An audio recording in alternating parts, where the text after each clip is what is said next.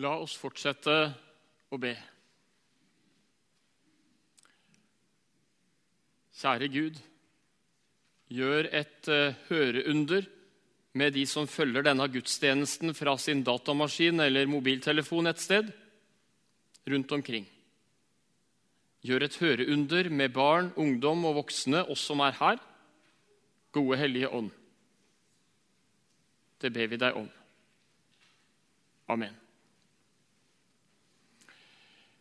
Vi skal høre den oppsatte preketeksten til søndagen i dag. Det står å lese i Markusevangeliet kapittel 7, og vi reiser oss.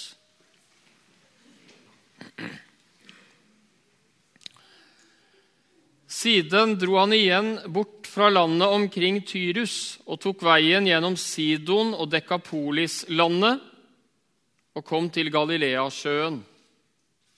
Her førte de til han en mann som var døv og hadde vondt for å tale. Og de ba ham legge hånd på ham. Jesus tok ham med seg bort fra mengden. Han stakk fingeren i ørene hans, tok spytt og rørte ved tungen hans, løftet blikket mot himmelen, sukket og sa til ham, Effata. Det betyr lukk deg opp. Da ble ørene hans åpnet, og tungen ble løst, så han talte rent. Jesus påla dem at de ikke skulle fortelle det til noen, men jo mer han forbød det, dess mer gjorde de det kjent. Folk var overveldet og forundret og sa, alt, har han, alt han har gjort, er godt. Han får døve til å høre og stumme til å tale. Slik lyder Herrens ord.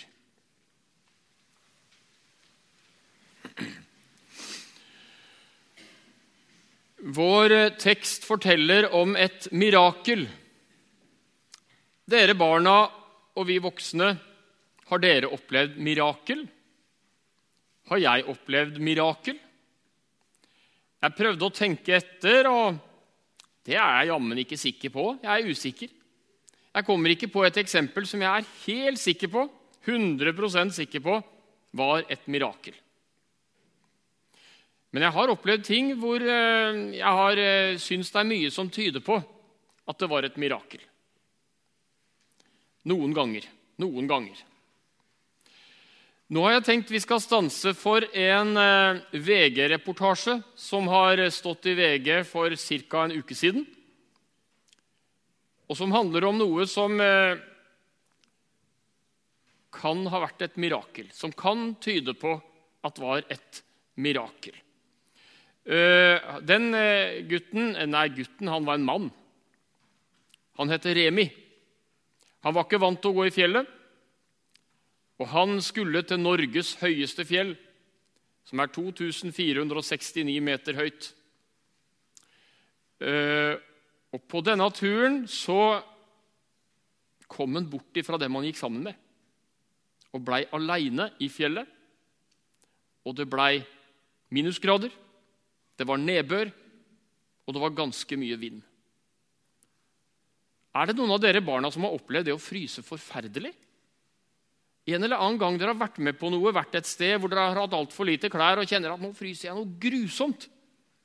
Det er fælt å fryse. Det er veldig ille. Og denne Remi han frøys så fælt, forteller VG, at han var sikker på at han kom til å dø. Uh, og så gjengir jeg, Nå skal jeg lese hva det sto i VG, uh, eh, hvor han hadde sagt der han gikk Jeg har gjort mange feil. Uh, jeg burde ikke gått alene i fjellet, han gikk inn og sa til seg sjøl. Og jeg trodde ikke jeg hadde noen sjanse til å overleve. Og så står det at han ba. Det står at han ba. Eh, litt merkelig, litt uvant bønn. Det står sånn gjengitt Jeg eh, ba til fjellene, jeg ba til høyere makter, jeg ba om tilgivelse. Han gikk og ba. Han gikk og ba, denne karen, som frøys så forferdelig og var sikker på her har jeg ikke sjans til å overleve. Og så der langt inne i den øde fjellheimen så kommer han over et telt. Et telt. Og Han krabber inni det teltet, og der ligger det jammen meg en sovepose, forteller VG. Det var jo som et dekka bord for han som var nær ved å dø. Og den varme soveposen og det gode teltet gjorde at en som ikke hadde hatt sjans til å overleve ellers, overlevde. Solskinnshistorie fra nå helt i det siste. Og Så fikk han komme hjem igjen til de to døtrene sine, til de to barna sine, de to jentene sine og til kona si. Og Han takka redningsmannskapene, og han var naturligvis kjempeglad, denne Remi, for han hadde blitt redda gjennom det som for han fortona seg som et mirakel. Eh, vi skal ta et bilde fra VG. Kan du få opp det for meg, Trygve? Eh, det bildet blei knipsa. Eh, det er da den første redningsmann som kommer fram til Remi og rekker ut handa, og Remi har sin åpne hand. Det er nesten som et sånt, et sånt underlig bilde som er ganske så talende, syns jeg, som kan fortelle ganske mye. For det er et bilde som illustrerer veldig mye av hva Bibelen sier om frelse. Den tomme handa, han som var helt avhengig av frelse, og som ikke hadde forutsetning eller muligheter i det hele tatt til å frelse seg sjøl. Og så redningsmannen, som i stor barmhjertighet kommer der og berger han som har gått seg bort, han som har rota seg bort. Og disse hendene kan illustrere det dere barna og det vi voksne inviteres til å leve i. Å stå med en åpen hånd. Midt i at det er mye vi ikke skjønner av kristendom, av tilværelsen, av oss sjøl, av andre mennesker eller hva det nå er. Få stå med en åpen hånd og med en ydmyk bønn. Fyll i denne hånda som mitt liv er. Gjør et under. Gjør et mirakel som gjør at jeg mer og mer er inne i det tette forholdet og i det gode forholdet til deg. Du min skaper, og du min frelser. Jeg syns at det bildet der fra avisa forteller også noe om nattværbordet. For nattværbordet er også den tomme hånda. Den tomme hånda som på tross av den vi er, på tross av mye forskjellige greier med meg og med deg, får lov å rekke ut vår tomme hånd og få Guds ufortjente gave og lukkes trinn for trinn inn i et mysterium av nåde og godhet og kjærlighet fra Gud. Kan du ta ned det bildet nå, Trygve, og så finne et annet bilde? Og ta det neste bildet du har i samlingen din? Det er nesten det samme bildet som det som sto i VG. Ser dere det? Det er også to hender. Eh, det er også redningsmannens hand, og det er også den hjelpeløses hand. Det er den åpne hand. Det er den som er avhengig av å få. Det er den som har gått seg vill. Det er meg og deg, det. Som er avhengig av at redningsmannen kommer og deler sin nåde og deler sin berging og deler sin frelse, deler sin syndenes forlatelse. I Lukasevangeliet kapittel 15 så står det om en som hadde gått seg veldig langt bort. Og det var hans egen skyld at det hadde gått forferdelig gærent. Han kunne ikke skylde på noen andre enn seg sjøl. Og han gikk med skam, og han gikk sammenknuget og skyldbetynget og skamtynget. Far, jeg har syndet mot himmelen og mot deg, og jeg er ikke lenger verd å kalles din sønn. Og der denne knugede, bøyde mannen fikk møte en vidåpen favn, en åpen hand, og så ble det fylt i fra redningsmannshanda. Det er evangeliet. Det er Bibelens fortelling. Det er Guds hilsen til deg der du sitter nå, på et møte i Bjerkely kirke. Guds åpne hånd. Da kan du ta ned eh, bildet. Jeg skal ta en avisartikkel eller avisting fra avisa. Den er eh, ikke så fersk. Det var et politisk, engasjert politisk innlegg i Tønsbergs Blad som jeg leste. Og der hadde den eh, samfunnsdebattanten omskrevet en eh, kjent og kjær salme. Det er makt i de knyttede never, sto det i, med feite typer i overskriften. Ja, er det det? Er det sant? Hva er det de knyttede never ofte fører til? De fører ofte til hat. De fører ofte til bitterhet. De fører til at knyttede never støter mot hverandre biledelig og bokstavelig talt, og gjør mennesker fremmede for hverandre, og gjør det kaldt i hjertene og gjør relasjonene vanskelige. Jeg har ikke noe tru på makta i de knyttede never. Det blir ofte masse gærent ut av det, i hvert fall i det lange løp. Selv om sterke never i første omgang kan klare å brøyte seg fram og brøyte andre ned til det de tror er fordel for seg sjøl. Det er makt i de foldede hender, heter det i salmen. Bønnens makt. Og jeg vil kanskje minst like mye si det er makt i de åpne hender, jf. de to bildene som Trygve har tatt opp på veggen til oss her i dag. Det er makt i de åpne hender. De som står der. Jeg trenger å få alt. Det er du som må ordne med det. Nåde, frelse, livet mitt. Jeg trenger å være i din barmhjertighet og din ufortjente nåde, Jesus Kristus. Det er grunnleggende sentralt og bærende i den kristne tru.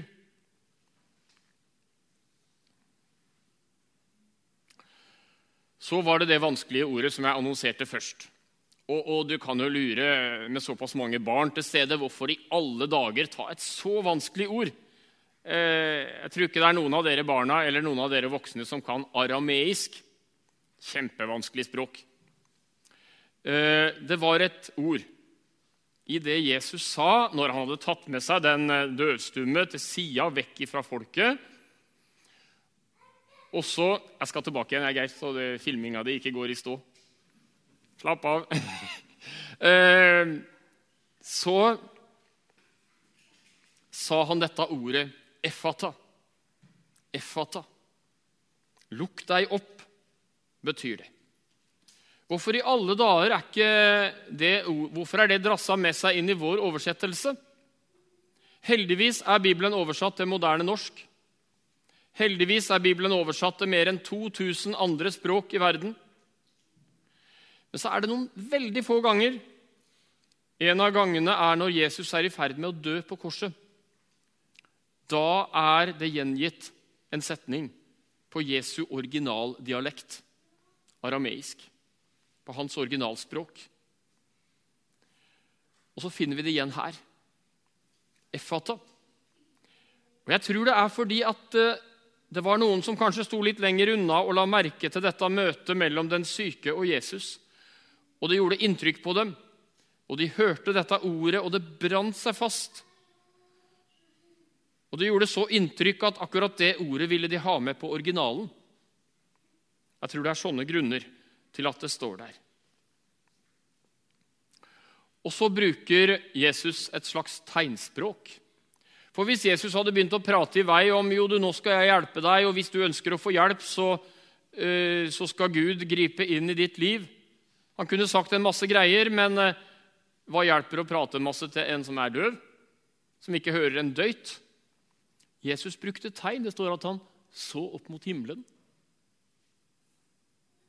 Det kunne den døve se. Det blei en form for tegnspråk. ikke sant? Og så var det fiendskap mellom jøder og disse hedningefolka som denne døvstumme representerte. og De kunne ikke ta på hverandre, og de skulle ikke snakke med hverandre, og de skulle holde avstand. og Det var masse greier som ikke er bra. Det var de knyttede never, ikke de åpne hender, som prega kommunikasjon imellom dem. Og så går Jesus og gjør noe mange ville oppfatte som til de grader uforskammet. i sin tegnspråkkommunikasjon Det er vanskelig ordbarn i sin måte å få kontakt med den døvstumme, så tar han på tunga til den døvstumme. Det motsatte av å markere avstand, det motsatte av å markere knyttede never. Og Så tror jeg denne døvstumme skjønner det kommer en hjelp fra Gud til meg, som handler om min forutsetning for å tale og min mulighet til å høre. Guds barmhjertighet og godhet inn i livet til denne plagede mennesket som hadde det så vanskelig. Orker dere litt lokalhistorie også? Nei, er bra. Er veldig flott. Nei. Det heter det at hvis en skal preke til voksne, så må en begynne med barn, for de er ærligst. Det er bra. Jeg tar bare veldig kort. Jeg tar bare veldig kort. Akerselva i Oslo. Langs den elva som renner midt igjennom Oslo, der det, har det vært masse industri, masse bedrifter. For de trang elva for å drive industrien. Og der, blant fattig arbeiderbefolkning, eh, som det var en del av tror jeg, for lenge siden, så blei det bygd et bedehus. Og det bedehuset, hva hette det? Effata. Fra det arameiske ordet i vår tekst. Effata bedehus. Det blei revet i 1965, så jeg har ikke sett det huset. Det var før jeg blei født. Effata bedehus. Der blei det delt ut suppe under verdenskrigen mellom 1940 og 1945. Og Jeg syns det fikk stå der som et bilde. Ethvert gudshus skal være et sånt Effata-hus. Og det er ikke nødvendig å dele ut suppe i dette huset her, for jeg tror vi har suppe hjemme, de fleste av oss. Men ethvert gudshus skal være et sted hvor vi er i bønn og leiting hele tida etter det som er godt for kropp og sjel for mennesker. Og med et særlig øye når noen eh, medmennesker iblant oss, i bygda, i byene våre, har det vanskelig og er i trøbbel. Effata. Nå er jeg kommet til siste punktet, siste underpunktet til og med, i denne prekenen. Jesus gjorde et under med hørsla. Og jeg skjønner ikke hvorfor ikke det skjer langt oftere. Når det er folk vi kjenner som sliter med hørsla. Eh, jeg har mange ubesvarte spørsmål når det gjelder det. Men jeg har lyst til å understreke den Gud som er glad i deg, den Gud som er til stede her, Den hellige ånd, han ønsker å gjøre et høreunder inn i livet til hver enkelt av oss som følger denne gudstjenesten, og veldig og alle andre. Han ønsker å gjøre et høreunder. Ofte skjer det gradvis. Ofte er det gradvis at det demrer fram, en gradvis saktegående soloppgang, som gjør at det budskapet som i utgangspunktet ikke kjennes naturlig for oss, evangeliet kjennes som noe fremmed og rart for mennesker i utgangspunktet ofte, en gradvis soloppgang ved Den hellige ånd. Efata, lukk deg opp. Det høreunderet inviteres vi inn i. Det høreunderet vil Gud gjerne dele med deg. Og dette 'lukk deg opp' det er på en måte rake motstykket til et sånt sammenkrøpet, knuget, hvor vi går der knuget av våre bekymringer, byrder, og tunge tanker om oss sjøl og andre, og til et 'rett deg opp', 'lukk deg opp'. Lukk deg opp. Ser du budskapet? Som Jesus visualiserer, som Jesus understreker, og som Jesus taler, og som Jesus vil dele med oss i dag. Han ønsker å gjøre et under med din åndelige hørsel, så du hører storheten i hva Jesus Kristus har gjort for deg. Og Kanskje dette 'lukk deg opp' kan følges av en bønn for deg i dagene framover. La denne dagen preges av deg, Jesus, sånn at jeg fylles av din nåde og godhet, av ditt blikk for ting, av din varhet for ting, på en sånn måte som er bra for meg og bra for andre, og til ære for Gud. Amen.